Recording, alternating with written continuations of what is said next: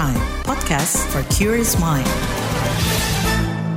Halo saudara, senang sekali bisa menyapa Anda kembali melalui program KBR Sore edisi Rabu 2 Agustus 2023. Saya Malika, kembali menemani Anda selama kurang lebih 30 menit ke depan. Sore ini kita menyoroti bantuan keuangan dari pemerintah terhadap partai politik. Bantuan sebesar Rp2.000 untuk setiap suara sah yang diperoleh partai pada pemilu 2019 lalu. Sayangnya tidak sedikit bantuan keuangan dari pemerintah untuk partai politik itu yang kemudian diselewengkan atau disalahgunakan. Padahal bantuan itu ditujukan untuk peningkatan edukasi pemilih dan membiayai operasional sekretariat partai. Bagaimana menguatkan pengawasan penggunaan dan transparansi pelaporan bantuan keuangan untuk partai-partai politik?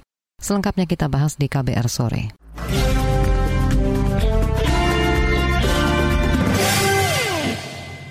Saudara, tahun ini pemerintah melalui Kementerian Dalam Negeri kembali menyalurkan bantuan keuangan bagi partai politik yang mendapat kursi di DPR RI. Sebagai partai pemenang pemilu, PDI Perjuangan tahun ini mendapat bantuan sebesar 28 miliar rupiah. Tahun lalu PDI Perjuangan juga mendapat dana bantuan parpol dari pemerintah sebesar 27 miliar rupiah. Sekretaris Badan Strategi Kebijakan Dalam Negeri di Kementerian Dalam Negeri, Kurniasih, menjelaskan bantuan keuangan untuk parpol antara lain bertujuan membantu sebagian kebutuhan parpol dan mengurangi potensi korupsi serta penyalahgunaan dana publik. Bantuan keuangan partai politik diberikan kepada partai politik yang memperoleh kursi di DPR, DPRD, Provinsi, Kabupaten, Kota berdasarkan pasal 5 PP nomor 1 tahun 2018 besaran nilai bantuan keuangan pada parpol tingkat pusat sebesar 1000 per suara sah, partai politik tingkat provinsi sebesar 1200 per suara, suara sah, dan partai politik tingkat kabupaten kota sebesar 1500 per suara sah. Pada tahun 2022, bantuan keuangan partai politik telah disalurkan pada DPP Parpol pada Mei 2022. Tiga parpol yang mendapat bantuan keuangan negara yang terbesar memperoleh perolehan suara sah yaitu PDP dengan dana bantuan 27 miliar, Gerindra dengan dana bantuan 17 miliar 594 juta 839 ribu rupiah, Golkar dengan dana bantuan 17 miliar 229 juta 789 ribu rupiah. Kehidupan demokrasi di Indonesia masih perlu diperbaiki kualitasnya. Penataan biaya politik perlu dilakukan dengan menaikkan subsidi keuangan parpol, Urgensinya adalah membantu sebagian kebutuhan parpol mengurangi potensi korupsi dan penyalahgunaan dana publik, mendorong sistem kemandirian parpol mencegah oligarki serta penyalahgunaan kekuasaan. Bantuan keuangan untuk partai politik tingkat pusat untuk tahun lalu terbanyak diterima PDIP sebagai pemenang pemilu. Jumlahnya lebih dari 27 miliar rupiah, disusul Gerindra 17,5 miliar rupiah, Golkar 17,2 miliar rupiah, PKB 13,5 miliar rupiah, Nasdem 12,6 miliar rupiah, PKS 11,4 miliar rupiah, Demokrat 10,8 miliar rupiah, dan berikutnya PAN dan P3 dengan angka yang lebih kecil. Bantuan dari pemerintah pusat diberikan kepada pimpinan pusat partai, sedangkan bantuan dari pemerintah daerah untuk pengurus partai di tingkat daerah. Bantuan ini tidak hanya di tingkat pusat, di sejumlah daerah pun penyerahan bantuan keuangan partai politik juga diserahkan oleh kepala daerah masing-masing. Bantuan untuk partai di daerah dialokasikan dari anggaran daerah masing-masing. Pemerintah provinsi memberikan bantuan keuangan partai kepada partai yang mendapat kursi di DPRD provinsi. Sedangkan pemerintah kabupaten kota memberikan bantuan kepada partai yang mendapat kursi di kabupaten atau kota tersebut. Salah satu contohnya di Kabupaten Cilacap, Jawa Tengah, Bupati Cilacap Yunita Diah Sumidar pada Mei lalu menyerahkan bantuan keuangan pada sembilan partai politik yang mendapatkan kursi di DPRD Kabupaten Cilacap pada pemilu 2019. Bantuan itu diberikan untuk membantu meningkatkan pendidikan politik kepada masyarakat sekaligus menambah kinerja partai politik. Bahwa ini adalah wujud demokrasi, pemerintah membantu untuk kegiatan pemilu di Kabupaten Cilacap dalam hal ini kepada semua partai yang mendapatkan kursi di DPRD tahun 2019. Tadi sampaikan sekitar 2,9. Tentu uh, uangnya ini seberapapun mungkin tidak cukup ya, tapi disyukuri. Saya melihat bahwa ketika kita memilih demokrasi sebagai jalan yang mensejahterakan masyarakat, mari Bapak Ibu kita kuatkan Kabupaten Cilacap untuk berdemokrasi yang santun, demokrasi yang baik, berikan masyarakat pendidikan karakter yang baik. Bantuan keuangan untuk partai yang bersumber dari dana APBD Cilacap terbanyak diterima PDIP sebesar lebih dari 580 juta rupiah, disusul Golkar 510 juta rupiah dan PKB 400-an juta rupiah.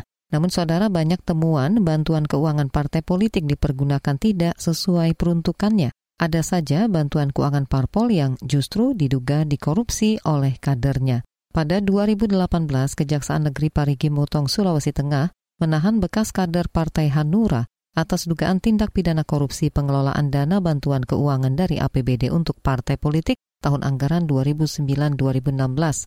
Kemudian pada 2019, Kejaksaan Tinggi Banten menerima laporan dugaan penyelewengan dana hibah bantuan keuangan untuk pengurus wilayah PKB Banten. Pada 2021, kader DPC Partai Solidaritas Indonesia PSI Kecamatan Sambikerep, Surabaya mengadukan partainya atas dugaan korupsi anggaran bantuan keuangan dan tanda tangan fiktif. Kasus penyelewengan dana bantuan partai politik ini mendapat sorotan dari Komisi Pemberantasan Korupsi KPK. Deputi Pencegahan dan Monitoring KPK Pahala Nenggolan mengatakan KPK mengusulkan revisi peraturan pemerintah tentang bantuan keuangan kepada partai politik. Selain itu perlu ada digitalisasi untuk sistem integritas partai politik serta digitalisasi bantuan keuangan parpol. Yang pertama kita harus lakukan segera adalah merevisi PP nomor 1 tahun 2018 karena seribu rupiah itu disebut di situ tanpa kewajiban SIPP. Oleh karena itu kita ingin disebut jangan angka tapi formula. Supaya 50 persen kebutuhan partai dan gradual ini alat ukurnya gitu ya ini cara mengukurnya. Oleh karena itu kita harapkan revisi PP ini akan memberi fundamental yang lebih baik pada bantuan partai plus sistem integritas partai. Jadi ada kewajiban juga yang melekat dan kita atur di situ. Nah untuk memudahkan kita akan pakai teknologi digital juga gitu. Jadi kita harapkan SIPP ini bisa diukur secara elektronik dari DPP, DPD sampai DPC. Masyarakat bisa lihat partai bisa self assess gitu ya. Termasuk elektronik untuk bantuan partai politik karena akan banyak tahapan di situ seperti yang kita rencanakan bahwa yang pertama partai akan dapat semua biaya operasional di muka. Itu tadi Deputi Pencegahan dan Monitoring KPK Pahala Nainggolan. Dorongan transparansi juga disampaikan Perkumpulan untuk Pemilu dan Demokrasi Perludem terutama dalam hal pelaporan keuangan partai yang bersumber dari anggaran negara secara transparan dan akuntabel, termasuk proses audit bantuan keuangan untuk partai politik tadi. Nah, usai jeda, kami hadirkan laporan khas KBR yang kali ini bertajuk Potensi Kecurangan Transaksi Dana Kampanye dan Upaya Pencegahannya. Tetaplah di KBR Sore.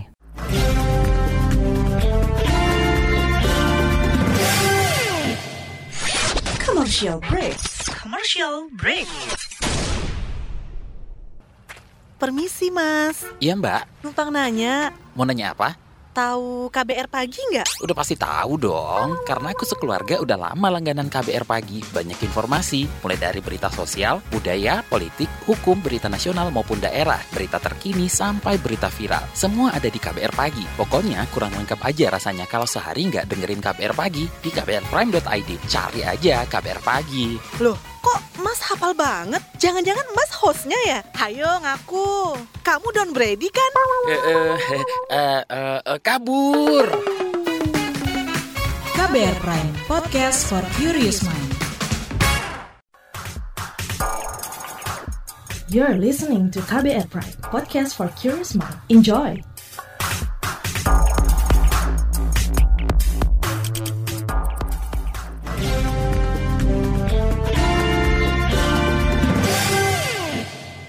Saudara Pusat Pelaporan dan Analisis Transaksi Keuangan PPATK mengungkapkan temuan berbagai modus kecurangan transaksi yang dilakukan dalam masa pemilu. Salah satu modusnya memecah penerimaan dana kampanye yang melebihi batas maksimal sesuai aturan di Peraturan Komisi Pemilihan Umum PKPU.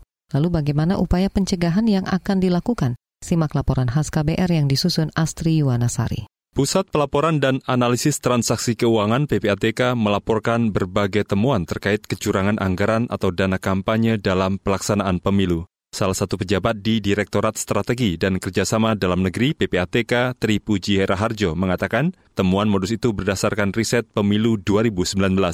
Hal ini disampaikan Tri saat rapat koordinasi tim terpadu pengawasan organisasi kemasyarakatan dalam menjaga stabilitas di Jakarta kemarin kami PPATK memotret adanya anggaran atau dana kampanye yang tidak dimasukkan atau tidak bersumber dari RKDK untuk kegiatan kampanye. Sehingga kami di sini juga sulit mendeteksi apakah uang yang digunakan untuk pendanaan kampanye ini merupakan uang yang sah. Jangan sampai kita antisipasi uang hasil kejahatan atau uang ilegal itu untuk mendanai kampanye. Tri Puji Raharjo menjelaskan modus kecurangan ditemukan sejak tahap awal pengumpulan uang. Uang tersebut diduga berasal dari hasil tindak pidana atau kejahatan. Kemudian ditempatkan di dalam sistem perbankan, lalu dilakukan layering atau pemecahan. Ini modus dengan cara memecah-mecah supaya tidak terdeteksi. Misalnya dalam ketentuan peraturan KPU ketika itu sumbangan dari apa individu atau pribadi, maka maksimal yang disampaikan itu 75 juta. Nah, oleh si pelaku ini misalnya dia mau menyumbang lebih ke dalam RKDK, maka dia akan memecah-mecah sehingga seolah-olah itu bukan bagian dari uh, sumbangan untuk dana kampanye. Dengan adanya fenomena ini, PPATK melakukan berbagai upaya strategis. Pertama, mengkaji secara tematik dana kampanye dari 2013 hingga 2019. Pada tahun ini kami PPATK membentuk tim analisis kolaboratif yang terdiri dari kami PPATK sendiri, kami melakukan serangkaian analisis, kemudian ada pihak pelapor, di sana ada sektor perbankan, tentunya ini berkaitan dengan pemantauan transaksi RKDK, rekening khusus dana kampanye, kemudian uh, pihak pelapor atau perbankan ini juga melakukan KYC secara ketat.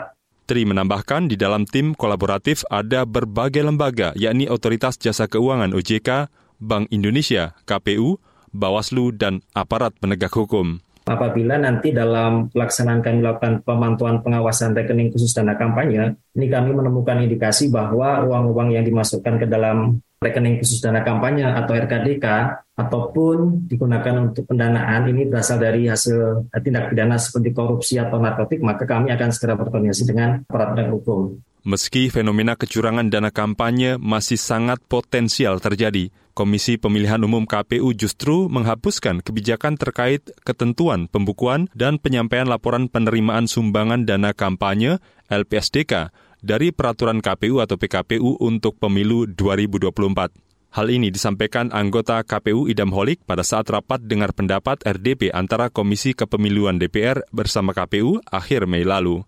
RDP juga diikuti Badan Pengawas Pemilu Bawaslu, Dewan Kehormatan Penyelenggara Pemilu DKPP, dan Kementerian Dalam Negeri Kemendagri.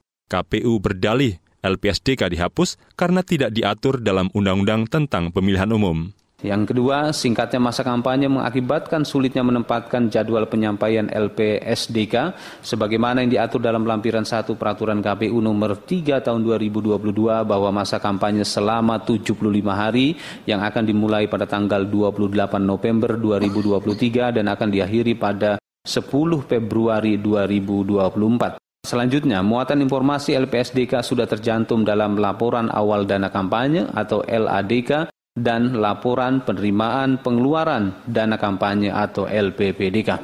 Penghapusan LPSDK dikritik Perkumpulan untuk Pemilu dan Demokrasi Perludem. Direktur Eksekutif Perludem, Khairunisa Nur Agustiati, menyayangkan penghapusan tersebut. Padahal LPSDK sebagai kontrol terhadap transaksi selama masa kampanye kalau ini dihapus tentu alat kontrolnya jadi berkurang. Nah selama ini yang ada tiga tahapan laporan dana kampanye saja, uh, laporannya itu masih dinilai belum cukup detail, belum cukup transparan gitu karena yang dilaporkan itu kan gelondongan-gelondongan aja gitu. Nah, apalagi kalau ada satu tahapan pelaporan dana kampanye yang uh, dihapus gitu. Ini tentu apa ya ya kalau kita mau dorong transparansi, kita mau dorong akuntabilitas dan terbukaan dana kampanye, jadi semakin jauh ke sana gitu.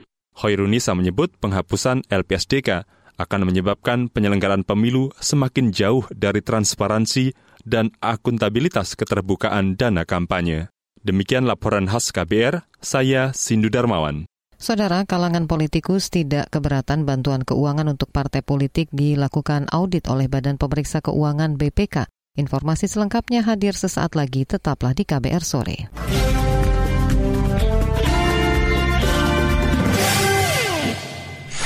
Commercial break. Commercial break. Eh, eh, eh, lu udah tahu soal ini belum sih? Lihat dong. Oh, ini mah gue udah tahu. Seru banget, sumpah. Hah? Apaan tuh? Ini loh yang lagi viral itu. Hah? Gimana gimana? Daripada FOMO, mending lu dengerin deh podcast FOMO Sapiens. Hah? Setiap hari Jumat hanya di kbrprime.id dan platform mendengarkan podcast lainnya. Nomor Fear of Missing Out Tips. KBR Prime, podcast for curious mind. You're listening to KBR Prime, podcast for curious mind. Enjoy!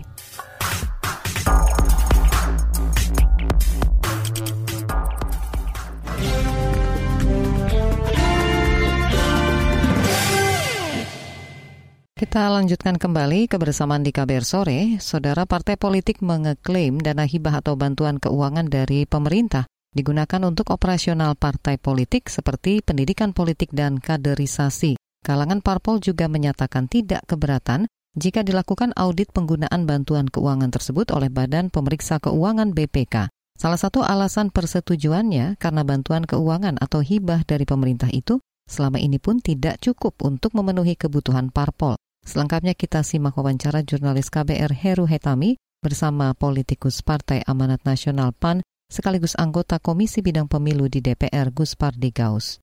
Pak, bagaimana penggunaan dan juga peruntukannya gitu setelah partai politik ini menerima dana tersebut dari pemerintah? Sangat banyak biaya operasional saja itu nggak nggak cukup. Nah, oleh karena itu memang ada upaya-upaya yang dilakukan oleh Komisi 2, termasuk juga Pak untuk dalam pembahasan itu bagaimana dana untuk parpol ini dinaikkan. Dan kenaikan dana parpol itu sebetulnya sudah diumumkan juga oleh elemen masyarakat yang lain, NGO dan lain sebagainya, agar partai politik itu terhindar mampu melaksanakan pendidikan politik kepada kader-kadernya sehingga orang-orang yang duduk di DPRD kabupaten kota provinsi dan pusat itu betul-betul orang-orang yang mumpuni betulnya. Jadi menaikkan bantuan ke partai politik itu adalah keniscayaan.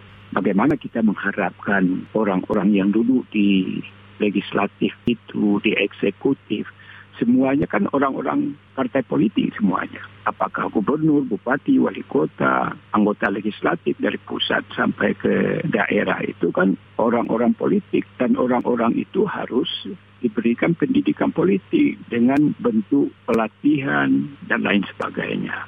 Dan untuk itu tentu diperlukan dana bantuan dari pemerintah pada hari ini sangat-sangat sangat kecil. Kalau nggak salah seribu per satu suara. Pak Gus Pardi artinya untuk kaderisasi kemudian juga pendidikan politik sebetulnya idealnya seberapa besar begitu Pak?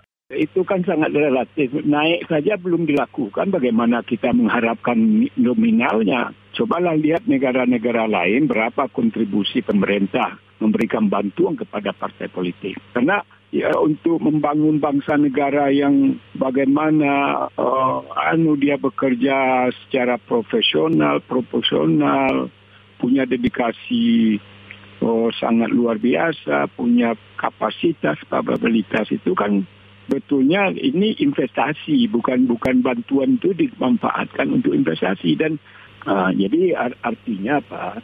Harusnya negara pemerintah punya kepedulian terhadap bagaimana meningkatkan kualitas daripada anggota legislatif dari daerah sampai ke pusat, begitu juga kepala-kepala daerah ini yang merupakan produk dari kader-kader partai politik. Apa pun nama partai politik itu kan nggak ada yang di luar partai politik bupati wali kota. Kalaupun ada independen kan sangat-sangat minim sekali.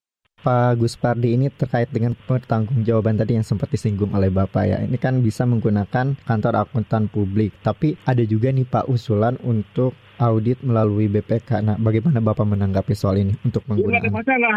Kalau karena ini adalah merupakan uang negara itu itu kan masalah teknis itu. Yang paling penting itu itu intinya dulu. Oh, ada nggak nawa itu? Adakah political will dari negara dari pemerintah untuk menaikkan anggaran bantuan partai politik. Itu yang penting. Soal uh, harus dipertanggungan jawabkan oleh BPK bagi saya tidak ada persoalan. Karena memang dana ini sangat dibutuhkan. Ada namanya biaya operasional, betapa beratnya DPP dalam mengelola partai ini yang jumlah provinsinya ada 38, kabupaten kotanya ada 514, terus ke kecamatan, ke terus ke desa-desa, nah, ke, apalagi ap- menghadapi pemilu dan lain sebagainya. Jadi artinya dana yang dibutuhkan sebetulnya sangat-sangat luar biasa. Tapi pandai-pandai partai lah dalam mengelola. Soal nanti pertanggungjawabannya mana-mana kan bisa diatur itu. Ada laporan pertanggungjawaban harus dilakukan penghitungannya berdasarkan akutan publik. Itu bisa boleh-boleh saja, nggak ada masalah. Sementara itu, kalangan pengamat mengingatkan selama ini pemerintah lemah dalam mengawasi pergerakan arus kas dana partai politik. Seperti apa mestinya pengawasan oleh pemerintah? Informasi selengkapnya hadir usai jeda. Tetaplah di KBR sore.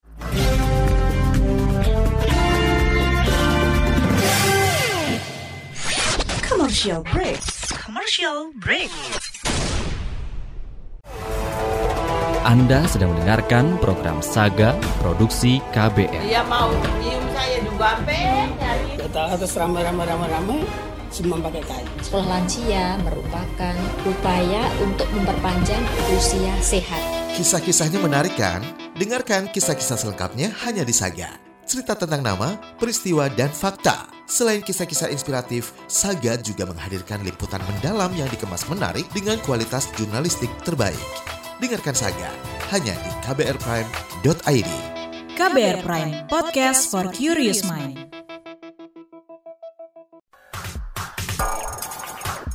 You're listening to KBR Prime, podcast for curious mind. Enjoy.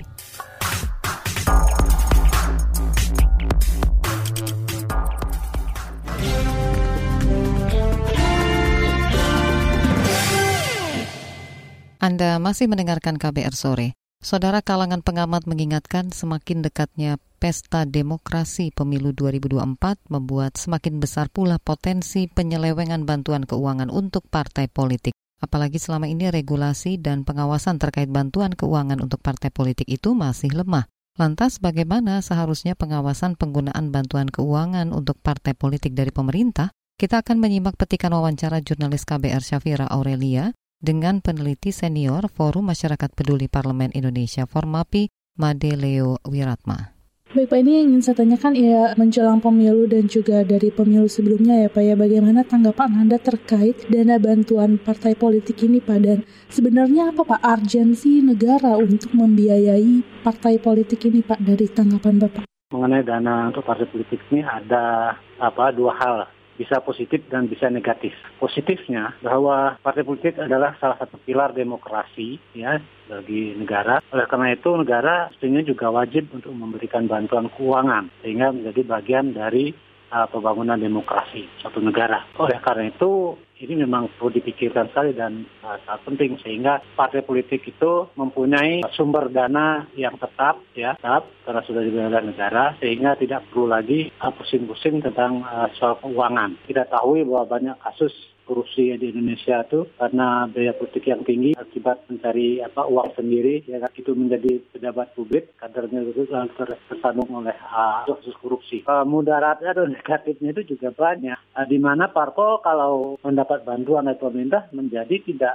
mandiri sangat baik bahwa negara pun memikirkan dana untuk partai politik ini untuk menunjang bahwa partai politik sebagai pilar demokrasi itu bisa hidup sesuai dengan kaedah-kaedah demokrasi pula. Jadi itu yang menjadi urgensinya bahwa uh, ikut di dalam pembangunan demokrasi suatu negara. Itu. Baik Pak, ini juga kan dari berkaca dari pemilu sebelumnya ya pada pada tahun 2019 ternyata dana partai politik ini juga ada terdapat penyelewengan Pak dari beberapa partai. Nah ini dari pengamatan Bapak ini seperti apa dan seharusnya bagaimana Pak untuk sistem pengawasannya? Apakah perlu untuk diaudit kah atau pengawasannya diperkuat atau seperti apa Pak?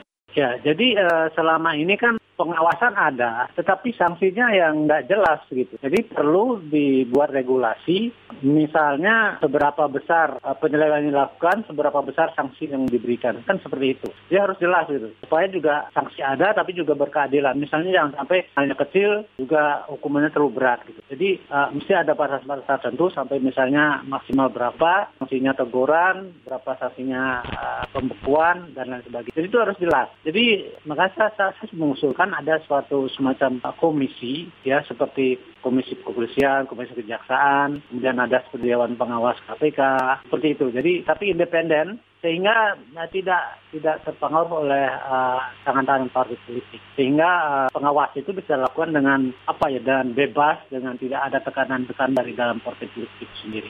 Selama ini kan ya kita negara kita sangat terkenal dengan uh, penegakan hukumnya yang lemah gitu di dalam semua sektor ya tidak hanya di, di sektor hukum tapi juga sektor-sektor lain itu kalau ada suatu penyelewengan itu penegakan hukumnya sangat jelas. Kemudian kemungkinan penyelewengan itu sangat besar, sangat besar. Kita lihat sekarang aja bagaimana partai politik mengatur keuangan mereka sangat amburadul dan tidak jelas banyak yang tidak jelas. Itu tadi peneliti senior Forum Masyarakat Peduli Parlemen Indonesia Formapi Made Leo Wiratma. Informasi tadi menutup jumpa kita di KBR Sore edisi Rabu 2 Agustus 2023. Pantau selalu informasi terbaru melalui situs kbr.id, Twitter kami di akun @beritaKBR, serta podcast di alamat kbrprime.id. Saya Malika bersama tim yang bertugas undur diri. Salam.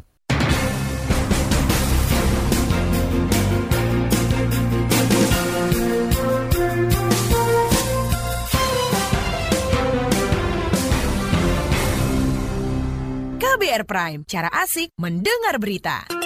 KBR Prime, podcast for curious mind.